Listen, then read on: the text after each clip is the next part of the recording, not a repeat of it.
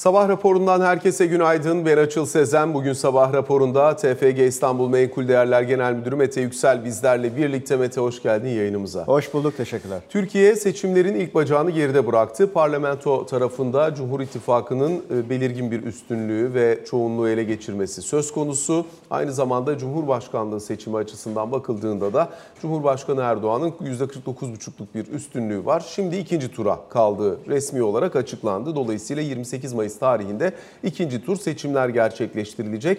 İşin ekonomik boyutu ve piyasa etkisi üzerinden bir miktar değerlendirmesini yapmak isteriz. Zira özellikle dün Borsa İstanbul'a baktığımızda açılışla birlikte sert bir geri çekilme. Bankacılık endeksinde geçtiğimiz haftaki o tavanların ardından ciddi bir taban dönüşü söz konusu oldu. Nereye kadar devam etmesini beklersin bu hareketliliği? Son bir buçuk ayda yabancı payı %28'den 30'un üzerine atmıştı. Ve yabancılar gelirken bizim ezberimizi hiç bozmayan bir şekilde bankalarla, büyük holdinglerle, işte gıda perakendecileriyle geldi. En yük hızlı yabancı girişi alan şirketler bunlardı. Ee, istedikleri sonuç elde edilemeyince de aynı hızda geri çıktıklarını görüyoruz. Ve dün hacim olmadığından dolayı tam da çıkamadıklarını da görüyoruz. Yabancı çıkmaya çalıştı ama yabancının çıkacağını elbette tahmin eden yerli de önden koşup kendisi çıkmaya çalıştı. Ee, işte birkaç gün sonra tekrardan alıp malını geriye yerine koyabilmek e, amacıyla e, yapılmış bir şey. Ben bunun birkaç gün daha sürecek bir durum olduğunu düşünüyorum. Yabancının çıkmak istediğinin üçte birini çıkabildiğini tahmin ediyoruz şu anda. Onun için hani bir iki gün daha sürecek bir baskıyı göreceğiz. Yabancının bu sevdiği bankalar, holdingler, işte gıda perakendesi ya da gıda sektörünün tamamı gibi hisselerdeki baskının yanında işte Aselsan gibi veya kamu şirketleri e, kağıtlarına da bir ilgi olduğunu görüyoruz. O bir dengeleyici faktör ama e, genelin düşüşünü e, engelleyebilecek bir güce sahip değil. Peki o zaman bundan sonrası için e, hani bu hareket yabancı çıkışıyla birlikte durulduktan sonra bizim bakış açımız nereye olacak? Şimdi, Zor bir yerde çünkü endeks. E, evet e, fakat şunu unutmamamız lazım. E, değerlemelere baktığımız zaman değerlemeler ekstra cazip. Biz e, diğer ülkelerle Türkiye'yi kıyasladığımız zaman fiyat kazanç olarak bakıyoruz. Üçte biri e, seviyesindeyiz. Beşler civarında bir e, fiyat kazançta işlem gören bir borsamız var. Bankalara bakınca bir buçuk fiyat kazançta işlem görüyor. Yani 1.7'lere gitmişti ama dünkü satışta 1.5'lara e, tekrardan geri gelmiş durumda bankalar. 1.5 fiyat kazanç nedir? Yani orada kazançta büyük bir hata yapıyor olalım ve beklentimizin yarısı gelsin kazançlar. 3 fiyat kazancı olsun. Yani 8'ler civarında işlem gören benzer ülkelerdeki bankalara kıyasla yani anlamsızca düşük seviyelerde bunlar. Tabii şunu unutmamamız lazım. Bankalar şu anda kendi esas faaliyetlerinden para kazanmıyorlar. Bunu görebiliyoruz. Türk lirası kredi mevduat makasları e, eksilerde. Bankacılık sektörüne e, birazcık teveccühün gelemiyor olmasının sebebi buydu ya da son bir buçuk ayda ilginin artmasının sebebi bunun değişebilmesi ihtimalinin satın alınmasıydı. Onun nasıl ilerleyeceği önemli. Bugün gelmiş olan işte tebliğ e, çok da yardımcı olmayacak gibi duruyor bankacılık yerlerine. Şimdi özellikle o tebliğe geleceğim ama onun detaylarına geçmeden önce şunu da sorayım. E, bankaların bunca zaman söylediğim fiyat kazanç oranlarında veya işte fiyat defter değeri oranlarında değerlenmesinin temel gerekçesi bilançolarının bir para politikası aracı olarak kullanılmasıydı. Özellikle burada hem kaynak maliyeti hem kaynak maliyetinin e, satış ve kullanış miktarı düzenleyici otorite tarafından belirlen, belirleniyordu. Dolayısıyla şimdi bu kalkacak diye bir giriş oldu. Bu kalkmayacak diye bir satış oluyor. Sonuç itibariyle bankacılık sektörünün bundan sonraki riskleri üzerine bir parça konuşmak isterim seninle. Zira e, bankalarda şu an itibariyle zaten sermaye yeterlikleri, sermaye yastıkları çalışır durumda. Ancak bundan sonrası için özellikle regülasyon, bu kadar çok düzenleme ve beklenen temel unsur işte mevduat faizleri 30'ların üzerinde, KKM faizleri 25'lerin üzerine doğru gidince ister istemez bir yerden sonra bir normalleşmeydi. Bu normalleşme neyle gelir? Şimdi e, bu normalleşmenin gelmeyeceği, artarak devam edeceği ortada. 35'in o zaman kredi faizleri böyle kalacak mı? 35'in üzerinde Türk lirası e, mevduat faizleri var. Hatta 40'a yakın seviyeleri e, son 1-2 gündür duymaya başladık. Ondan dolayı da eğer ki mevduat faizleri %60'ın üzerine çıktığım zaman ben işte 5 puan daha az tesis e, ederim. Öteki 70'in üzerine çıkma imkanlı değil şu anda herhangi bir e, bankacı. 60'ın üzerindeki pozisyonlarını korumak için en azından buna devam etmek e, zorundalar. Bir de KKM'de, da var. dönüşüm oranları da var. KKM'de giriş yavaşladığından dolayı şu anda Merkez Bankası'na swap yoluyla teslim edilen rezerv vesaire de azaldığından müdahale edilebilecek elimizdeki cephane de azalıyor. Onun için baskı daha da fazla artıyor. Menkul kıymet tesisiyle ilgili olarak da hani hem orada sadece %60'ın 70'in üzerine mevduatı çıkartma mevzularımız yok. E, işte %40 ila 80 arasında referans faizin e, vermezsen %150 tesis etmen gereken bir menkul kıymet de var. Şimdi de bugün gelenlerde %3 e, büyüme gibi bir threshold konulmuş, sınır konulmuş. %3'ün üzerinde e, büyüttüğün takdirde ticari kredi tarafında ayrı, tüketici kredi tarafında e, ayrı ekstradan mevki kıymet tesisi yapman Bir yıl boyunca da gerekiyor. tutmak zorundasın Bir yıl boyunca da tutman gerekiyor. Pek çok e, işte sonuçta kredi kartı en ucuz fonlama aracı. %1.36 aylık faiz işte enflasyonun yarısından bile az aylık. Ondan dolayı da e, bedava para. Bundan dolayı ben e, minimumunu ödeyeyim. Diğer kartımdan nakit çekeyim ötekini kapatayım diyenlere bir darbe daha geldi. Nakit çekip de kullandığın takdirde veya işte kıymetli maden altın vesaire aldığın e, takdirde ekstradan e, menkul kıymet tesisi yükümlülüğü de geldi bugün. Ondan dolayı menkul kıymetlerde e, faizlerde yine ciddi bir aşağı trendin önümüzdeki günlerde de devam ettiğini göreceğiz. En azından bu tarafta el, Şimdi 19'lara inmiş menkul kıymet faizi varken tahviller biz diyorduk ki ya buradan alan bankalar para kazanamaz. Ama alan hep para kazandı. Bu bankaları zorlayan bir şey olsa da açıl faizlerin aşağı geliyor olması piyasaya göre değerleme karı yapmalarına sebep oluyor. Veya e, alım satım portföyünde değil, alım satım portföyünde ticari portföyde tutmayanlar için öz sermayenin altına bir bankalara destek atıyor. Bu da değerleme pozitif bir durum yaratıyor Ama faizlerin bu, aşağı gelmesi. bu kalıcı olmuyor ki yani sonuç itibariyle bu enflasyon düşecek ve faiz onunla dengeye gelecekse bir noktada kalıcı bir etki yaratır. Yoksa sadece bizim bilançoda gördüğümüz fiktif bir düzeltmeden Doğru. Yani ama son bir senedir bu geldiğinden ilk başladığından bu yana bu kalıcı olmayacak vesaire dedik ama her çeyrek kalıcı kalmaya devam etti. Ama dediğin doğru artı sonsuza kadar devam edecek bir şey değil. Bundan çıkış stratejisinin de e, kurgulanıyor olması lazım. Fevkalade katılıyorum. Kredi tarafında da işte bu sınırlamalardan dolayı faizin arttırılamaması şu anda bankaların elini bağlıyor. Büyük ihtimalle 28 Mayıs ikinci turun geride bırakılmasından sonra e, zaten cepte olan ama Mart 2024 orada da belki popülist politikaların bir süre daha devam etmesine sebep olabilir. Bir rahatlamanın bir nokta itibariyle geliyor olması lazım. Katılıyorum. Daha önceki krizsel dönemlerde 94'te olsun 2001 döneminde olsun bankaların elinde olmayan iki şey var şu anda. Onlardan birincisi e, bu enflasyon endeksi tahviller. Enflasyon endeksi tahviller inanılmaz büyük bir koruma sağlıyor bankalara. Tamam yani 2022'de Ekim-Ekim bakılıyor %84'tü. 84'ün üzerinde olmadığı sürece geçen seneye göre bir düşüş vardır ama yine de çok ciddi bir katkısı olacağı ortada enflasyon endeksi tahvillerin. İkincisi de 8-12 arasında alındı çünkü onlar yani öyle bakmak lazım. çok doğru. Ee, ikincisi de e, bu e, bankacılık sektöründe vade uyumsuzluğu 12 aylar civarındaydı. 3-5 sene öncesinde konuştuğumuz an ve orada sürekli şunu söylüyorduk. Faiz arttığı takdirde bankalar çok kötü etkilenecek marjsal olarak. Bir enflasyon endeksi tahviller bir kere marjı koruyacak. İkincisi de şu anda 3-4 aya gelmiş olan bir vade uyumsuzluğu var. Bir çeyrek tokadı yer bankalar, ikinci çeyrek normalize olur, üçüncü çeyrek Faizler arttığı takdirde e, bundan istifade bile etmeye başlarlar. Ondan dolayı bu taraf da koruma sağlıyor. E zaten sermaye kalkanları güçlü. Onun için pek büyük bir risk görmüyoruz o tarafta. Peki bu gelen düzenlemenin e, detayları üzerinden bir biraz daha detaylandıralım istersen süreci. Çünkü Merkez Bankası e, 15 Mayıs itibariyle yani dün sabah itibariyle e, yeni bir uygulama talimatı gönderdi bankalara. Bunun içerisinde daha önceki süreçte zaten e, ihtiyaç kredilerinde veya bireysel kredilerin bir bölümünde uygulanmakta olan çeşitli kısıtlamalar vardı. Senin az önce söylediğin gibi burada ucuz kalmış olan yer politika faizine uyumlu belirlenmiş olan e, bir kredi kartından nakit avans çekimi, iki bunlar yoluyla alınacak olan kuyum e, altın vesaireydi. Dolayısıyla şimdi bedava parayla ya da çok uygun imkanla belirli bir limitin üzerindeyse kredi kartın gidip istediğini alabiliyordun. E, Dövize de yönelimi, altına da yönelimi teşvik eder görmüş olacak ki Merkez Bankası buraya bir e, kısıtlama, sınırlama getirdi.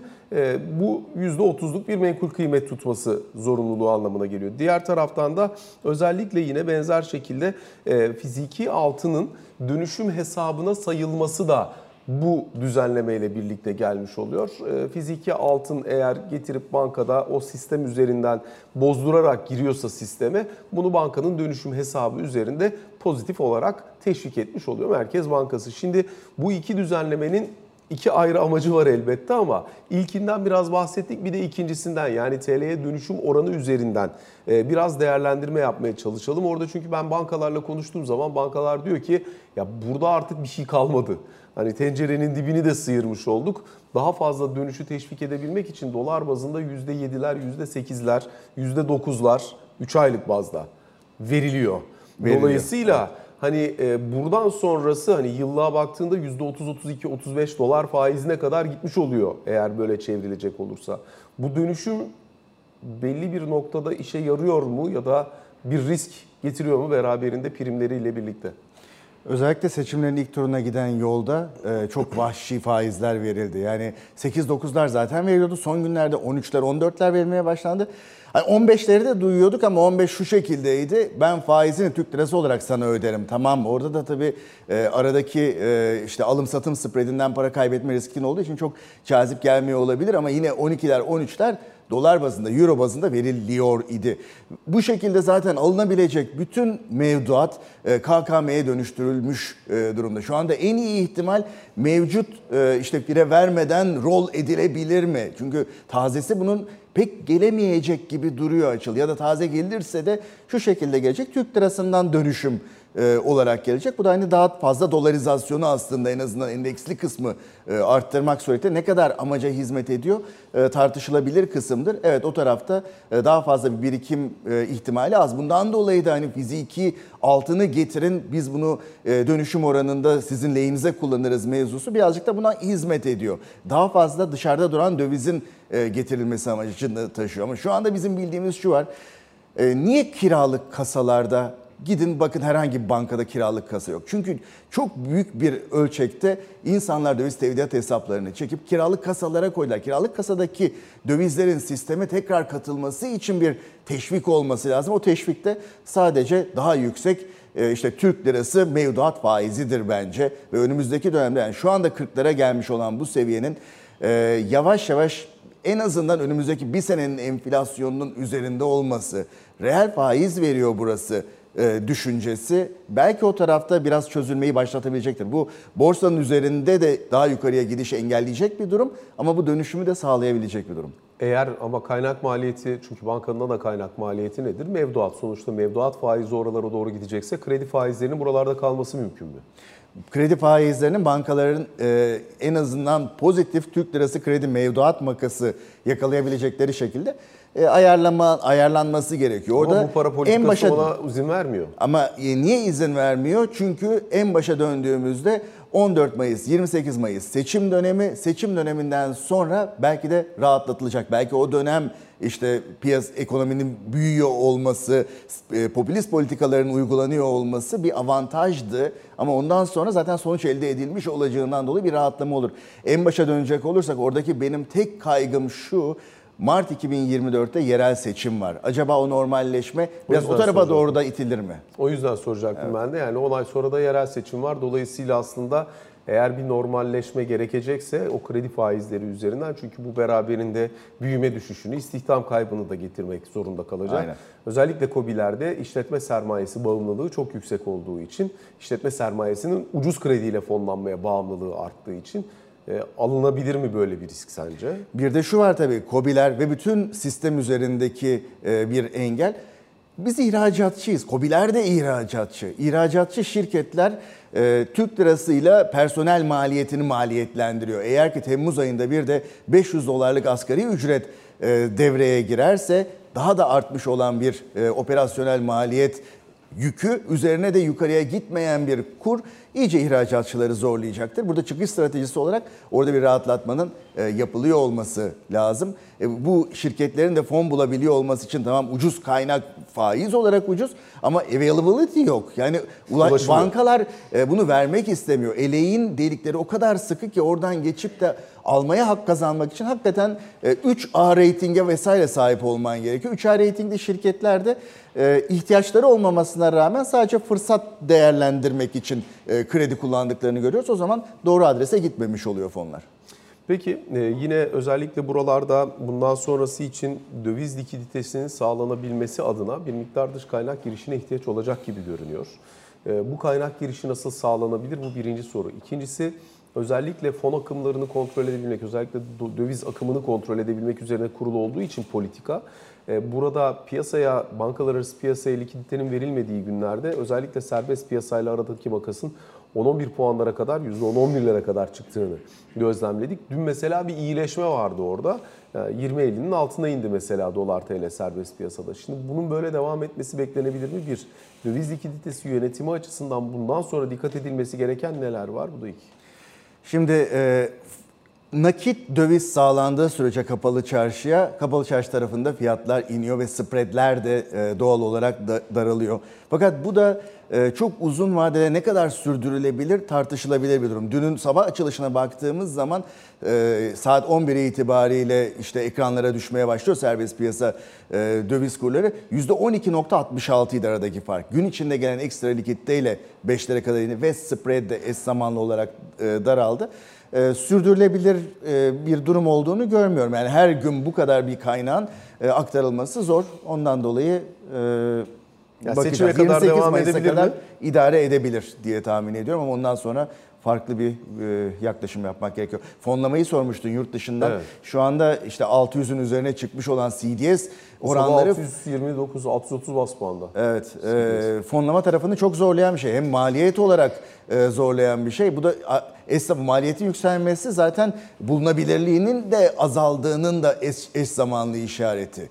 E, fakat en nihayetinde yurt dışındaki para ekstra getiri için bu seviyelerden girmeyi tercih edebilir. E, bu cazip hale getiriyor bizim Eurobondların faizini. Sadece yurt dışındaki yatırımcı için değil, e, yerli tarafta da aslında borsaya da iyi bir alternatif.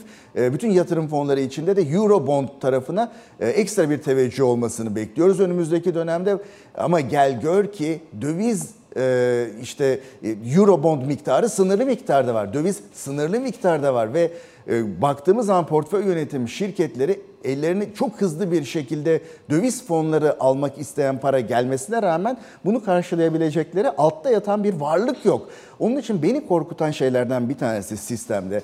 Aynen bu e, işte mortgage krizinde Amerika'da olduğu gibi bir sistem var şu anda döviz likiditesine erişemeyen portföy yönetim şirketleri işte serbest fonlarında rahatça yandaki diğer e, portföy yönetim şirketinin euro bondunu, altın fonunu, dövizli hisse senedi fonunu alıyor. O da ötekininkini alıyor. O da en baştaki bir numaralınınkini alıyor. O zaman herkes birbirininkini aldığı noktada underlying varlık, altta yatan varlık aslında sadece e, şişirme ve sanal bir varlık haline geliyor. Normal fonlarda %10'a kadar e, diğer e, yabancı para fonlardan alabiliyorsun. Onun da hani %10 da aslında manalı bir kısım ama burada bulunabilirlik azaldıkça yabancı para varlıklarda orada da biriken bir risk var. Bunu da unutmamamız lazım. Bazı portföy yönetim şirketleri bundan dolayı işte Eurobond fonlarına vesaire girişte limitler koyuyorlar şu anda.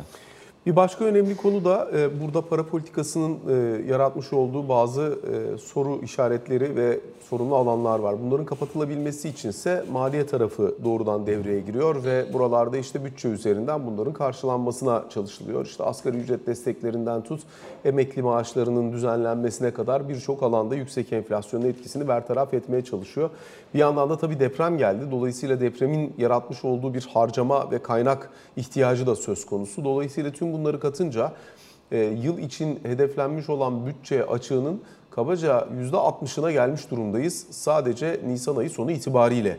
Dolayısıyla böyle bakınca e, bütçe tarafı ve iç kaynaklarla bu büyümeyi finanse edebilme yaklaşımı adına nasıl bir tablo çıkıyor karşımıza? Dış kaynak yok çünkü şu an itibariyle bu sistem zaten dış kaynak girişine müsaade etmiyor. Ve Nisan ayı itibariyle aslında EYT çıkışları e, henüz olmaya başlamadı. Bu Temmuz'da olacak 500 dolara çıkartılması taahhüt edilen e, asgari ücret yüküyle karşılaşmış değiliz ve geçen senenin 20 katındayız şu anda bütçe açığı e, olarak. Bütçe açığının kapatılması için orada bir bir reform programı olması lazım. Biz buna işte austerity programı hani IMF'in getirdiği, standby'da sunduğu e, bir takım acı ilaçlar Kemer vardır. sıkma politikası yani. Kemer sıkma Austerity politikasında da e, popülist olmayan yaklaşımlar olduğundan dolayı çünkü e, gelirleri arttır, harcamayı kıs şu demek, gelirleri arttır, vergileri arttır demek. Sen eğer ki e, dar gelirli kesimin zarar görmesini istemiyorsan şunu yapabilirsin. Dersin ki KOBİ dışındaki büyük şirketlerde kurumlar vergisini 50'ye yükselttim ama merak etmeyin kısa bir süre için 1-2 sene içinde normale döneceğiz. Gelir vergisinin üst limitini tamam limiti biraz arttırdım yukarı %75'te e, üzerinden vergi alacağım bundan sonra diyebilirsiniz. Popülist değildir. Çok acı bir ilaçtır. Ama IMF'ye gitseniz o bu, buna benzer bir ilaç size sunacak. Bunu alırsanız işte ÖTV'siydi, KDV'siydi. O tabii e, genel geçer düşük as, e, asgari ücret kazananların üzerinde de bir yük olduğu için e, o taraflara pek dokunulmuyor olması gerekiyor. Servet vergisi mi düşüneceksin? Olabilir ama maliyeci tarafta daha fazla harcayarak ekonomiye işte can katma, Mart 2024 seçimlerine e, kadar da popülist devam etmek gibi bir e, şu anda lüksümüz olduğunu görmüyorum ben. Peki e, bu, bu şekilde eğer ki mali kural vesaire getirerek bir programla ortaya çıkarsanız işte o zaman yabancı kaynak gelir.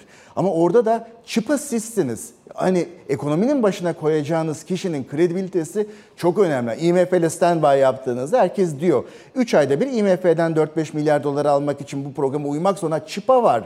Peki şimdi çıpa ne olacak? Yani sadece o programı açıklamak yetmiyor, Sadece- garanti edilmesi lazım. Sadece mali tarafta yapacağım böyle bir e, çalışmanın para politikası böyle devam edecekse eğer bir anlamı olmayacak. Yani eğer açıklanacaksa bir bütünsel program açıklanması lazım para politikasıyla vesairesiyle birlikte. Ama sonuçta para politikası böyle kalacaksa maliye tarafını kısma şansın pek yok. Çünkü o zaman başka bir şey olacak yani. Katılıyorum. Yani Erdem Başçı döneminde en azından işte koridor vesaire kullanılarak üst tarafa gönderilerek faiz bir takım e, aşımlar yapılmıştı. Şu anda o tarafta da pek yapılacak bir şey yok. Sıkıntılı bir alan. Son olarak bir de şunu sorayım. Ee, Seçime kadar yani işte şimdi 28'ine kadar bir süreç daha var önümüzde ama seçime kadar kuru tutarak, orayı baskılayarak, buradan kontrol mekanizması koyarak, makro ihtiyati tedbirlerin kontrol ufkunu genişletebildiğimizce genişleterek belli bir aşamaya kadar e, bu iş geldi. Fakat şimdi zannediyorum bu seçimler sonrasında biraz daha zorlu bir ortamla karşı karşıya kalınacak. Çünkü hani bir derleyip toparlama zamanı ya. Bunun borsa yatırımcısı açısından etkisi ne olur? Bir. Döviz yatırımcısı açısından etkisi ne olur? Bu da iki. Şöyle bir şey var. e, Eurobond fevkalade cazip. CDS'in gelmiş olduğu seviye. Belki bu yabancı çıkışıyla beraber bugün yarın da devam edebilir. Ama e, Eurobond çok e, cazip bir alternatif olacak bütün yatırımcılar için, borsa yatırımcısı için de. Onun için borsadan çıkıp Eurobond'a gidiş olması e, ihtimalini değerlendiriyorum. Bir, borsa için olumsuzluklardan e, bahsediyorum. İkincisi Türk lirası vadeli mevduatta %40'a yaklaşmış olan faizleri bütün bankalar artık önermeye başladı. Ve bu artık ince ince bir reel faiz önerisini de içinde içeriyor. Ve sadece borsaya alternatif olarak fırsat maliyeti ne kadar güzel borsadan çıkıp o tarafa girelimin de ötesinde bir şey söylüyorum. Eğer ki Türk lirası vadeli mevduat faizi %40'sa Borsada aracı kurumlar kendilerini finansman bonosu ihraç ederek fonlayıp sonra e, hisse senedi kredisi veriyorlar. Onlar kendilerini kaçtan fonlayacak? 45'ten, 50'den mi fonlayacaklar? 45-50'den kendilerini fonlarlarsa %70-80 neyle kredi verecekler hisse senedi için? Vermek istedikleri takdirde kredi kullanıcısı hisse senedi almak için böylesine yüksek faizlerle almayı, malı taşımayı tercih edecek mi? Yani sadece e, Türk lirası vadeli mevduat faizi cazip kısmının ötesinde büyük ihtimalle krediyle taşınan hisse senetlerinde de e, bir satış, bir azaltım olacaktır önümüzdeki günlerde. Onun için bir süre bir e, düzeltme hareketine hazır olmak lazım. Teşekkür ediyoruz Mete Yüksel. Bu sabah yayınımıza katıldığın ve değerli görüşlerini bizlerle paylaştığın için kısa bir araya gideceğiz. Sonrasında Ali Can Türkoğlu ile ikinci bölümde karşınızdayız.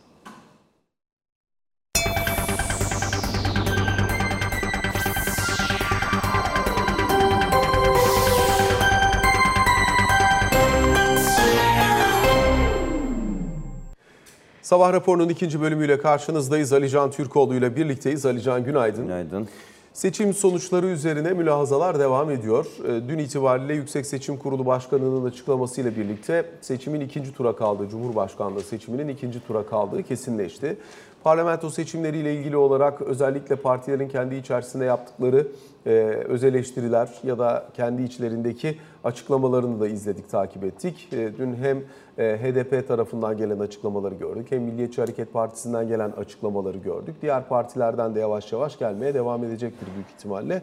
Sonuçta önce bir ikinci tur takvimiyle başlayalım. Arkasından seçim sonuçlarına ilişkin değerlendirmelerle devam ederiz. Tabii şimdi 28 Mayıs'ta Cumhurbaşkanlığı seçiminde ikinci tura gidileceği kesin iki adayla. Pusulada bir değişiklik yok. Şimdi burada merak edilen konu seçimden üçüncü olarak çıkan Sinan Oğan'ın seçmenlerini hangi tarafa yönlendireceği veya böyle bir yönlendirme yapıp yapmayacağı ama iki gün içerisinde kararımızı açıklarız diyor Sayın Oğan. İkinci tur için istişare yapacaklarını, tabanıyla istişare yapacağını ve e, özellikle iki e, kırmızı çizgisi olduğu bir terörle mücadele, iki mültecilerin geri gönderilmesi. Bunun alt dalları vardır tabii ama bu iki ana başlıkla ilgili olarak e, geri adım atılmayacağını ve tabanla görüştükten sonra da kararını açıklayacağını ifade ediyor. Dolayısıyla özellikle bugün yarın herhangi bir şekilde Cumhur İttifakı veya Millet İttifakı tarafıyla bir görüşmesi olacak mı olmayacak mı e, Sinan Oğan'ın buna bakacağız. Dolayısıyla Cumhurbaşkanlığı seçimlerindeki durum şu an itibariyle böyle gözüküyor. Propaganda süreci resmen başladı Cumhurbaşkanı adayları iki aday için, Sayın Erdoğan ve Sayın Kılıçdaroğlu için. Ee, süreçte nasıl bir yol haritası izleyeceklerine ilişkin yetkili kurullarını topladılar dün ya akşam itibariyle ama özellikle bugün ve yarın yani bu hafta içerisindeki önümüzdeki 2-3 gün e, toplantıların çok u- arka arkaya yapılacağı ifade ediliyor. Hem Cumhur İttifakı tarafının hem Millet İttifakı tarafının hem kendi partilerinde hem de kendine destek veren diğer partilerle ama buradaki ana belirleyici ve merak edilen unsur Sinan Oğan'ın nasıl bir yol haritası izleyeceği. Şimdi meclis aritmetiğini zaten dün de detaylı konuştuk ama işte Cumhur İttifakı'nın iste- istediği çoğunluğa ulaştı. Millet İttifakı içerisinde tartışmaların olduğu bir süreç var şu an itibariyle. Ee, şunu söyleyeyim, Cumhuriyet Halk Partisi listesinden seçime giren 4 parti, DEVA Gelecek, Saadet ve Demokrat Parti. Şimdi son kesin liste açıklanmadı. Kesin listeden sonra daha detaylı konuşuruz ama şu anda 15 DEVA, 10 Gelecek, 10 Saadet ve 3 Demokrat Partili vekil var gözüküyor Cumhuriyet Halk Partisi listesinden seçilen. Dolayısıyla eee, şu anda Cumhuriyet Halk Partisi'nin 129, İyi Parti'nin 45 milletvekili var zaten seçimler sırasında. CHP'nin 129'undan kastım diğerlerinin az önce saymış olduklarımın CHP'den çıkıp kendi partilerine geçmeleri durumunda olacak. Bu kapsamda mecliste nasıl bir e, sistem izleyecekleri şu an itibariyle belli değil Millet İttifakı'nın. Yani bu ayrılan partiler kendi aralarında bir grup kurma yolunu tercih edecekler mi etmeyecekler mi gibi soru işaretleri var. Dolayısıyla Millet İttifakı'nın içerisinde detaylarında bunlar konuşuluyordur. Cumhur İttifakı tarafında ise AK Parti'nin 267 milletvekili olduğunu görüyoruz. Milliyetçi Hareket Partisi 51, Yeniden Refah Partisi e, %2.82 oyla ittifak içinde olduğu için baraja takılmadı. 5 milletvekili çıkarmış durumda ve AK Parti listelerinden seçime giren Hüdapar'ın da 4 ismini e, Türkiye Büyük Millet Meclisi'ne soktuğunu görüyoruz. Demokrat e, Demokratik Sol Parti'den de Genel Başkan Önder Aksakal AK Parti listesine adaydı. O da girmiş durumda. Emek ve Özgürlük İttifakı'nda HDP 60, 61 vekil, tip ise %1.73 oy alıp yine ittifak içinde olduğu için baraja takılmadı. 4 milletvekili çıkarmış durumda. Şimdi az önce söyledin ya kendi işlerinde özellikle Millet İttifakı tarafında ve Emek ve Özgürlük İttifakı tarafında e, nerede ne gibi yanlışlar yapıldığı veya eksiklikler yapıldığına ilişkin yeni değerlendirmeler yapılacaktır. E, buna ilişkin açıklamalar da gelecektir diye tahmin ediyorum. Sistemde, takvimde ise şu anda itiraz sistemi devam, itiraz süreci devam ediyor. İlçe seçim kurullarına itirazlar yapıldı, il seçim kurullarına yapılacak. 18 Mayıs'a, Mayıs'a kadar da Yüksek Seçim Kurulu'na yapılacak bu aşamalar gün gün tamamlandıktan sonra. Şimdi ondan sonraki süreçte 19 Mayıs'ta normalde süreç bitiyor, kesin liste açıklanıyor ve 20 Mayıs'tan itibaren de yurt dışı oylar kullanılmaya başlanacak. 20-24 Mayıs normalde takvimde e, yurt dışı oyların kullanılacağı tarih.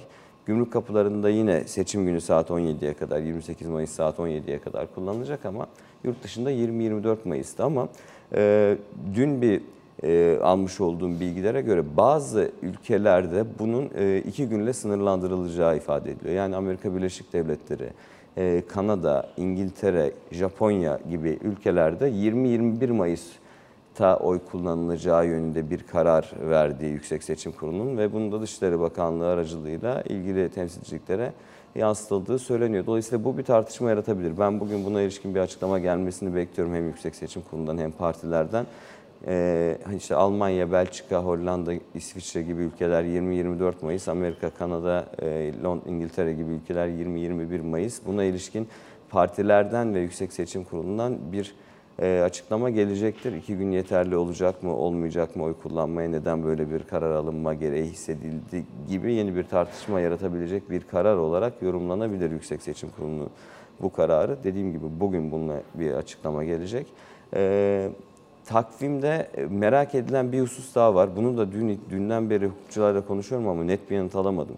Kesin liste resmi gazetede yayınlandıktan sonra normalde meclis iç tüzüğü şunu söylüyor. E, kesin listeler yayınlandıktan sonra takip eden 3. gün e, meclis iç tüzüğüne göre mecliste yemin töreni yapılır deniyor. Dolayısıyla burada yemin töreni e, 19 Mayıs'a ke- kesin liste yayınlandıktan sonra işte 21-22'sinde olacak mı? Yoksa ikinci tur seçimler beklenecek mi? Çünkü bir yorumda aslında tüm kesin liste Cumhurbaşkanı listesi, Cumhurbaşkanının kim olduğu açıklandıktan sonra da olabilir. Dolayısıyla Türkiye Büyük Millet Meclisi ikinci tur sonrasını da bekleyebilir yönünde yorum yapan hukukçular da oldu. Burada şöyle bir konu var. Bunu seninle ta e, seçimin öncesinde de konuşmuştuk. E, 16 bakan milletvekili seçildi. Dolayısıyla milletvekili seçilen, daha doğrusu milletvekili yemini eden isimlerin bakan olamayacağı yönünden anayasada zaten e, bir madde var bilindiği gibi. Burada e, eğer hemen 19 Mayıs'tan sonra 3. gün bu yemin töreni gerçekleşecekse bakanların yemin etmemesi gibi bir durum olacak en azından e, Cumhurbaşkanı seçimine kadar. Yoksa ikinci tur beklenecek mi? Dolayısıyla 28 Mayıs'tan sonra 1 Haziran'da mı toplanacak Türkiye Büyük Millet Meclisi? Belirlenmesi gereken soru işaretleri yani cevap bulması gereken sorulardan birisi de bu olarak gözüküyor. Dolayısıyla ben bugün özellikle iki konuda bir e, yemin töreninin mecliste ne zaman yapılacağı ve bakanların, milletvekili seçilen bakanların görevinin ne olacağı. İki, e, yurt dışında oy kullanmalara ilişkin olarak işte dört gün mü tanınacak yoksa iki günle mi sınırlanacak sorusuyla ilgili olarak yeni açıklamalar gelmesini bekliyorum. Ama genel olarak siyaset gündemine bakarsak bugün yeni bir açıklama gelirse Sinan Oğan'ın e, ittifaklardan herhangi biriyle veya ikisiyle de görüşüp görüşmemesine ilişkin bir açıklama gelirse bence bugün gündemi bu belirleyecektir. Alican teşekkür ediyoruz sana. Aktardığım notlarla birlikte sabah raporuna bugün için son noktayı koymuş oluyoruz. Hoşçakalın.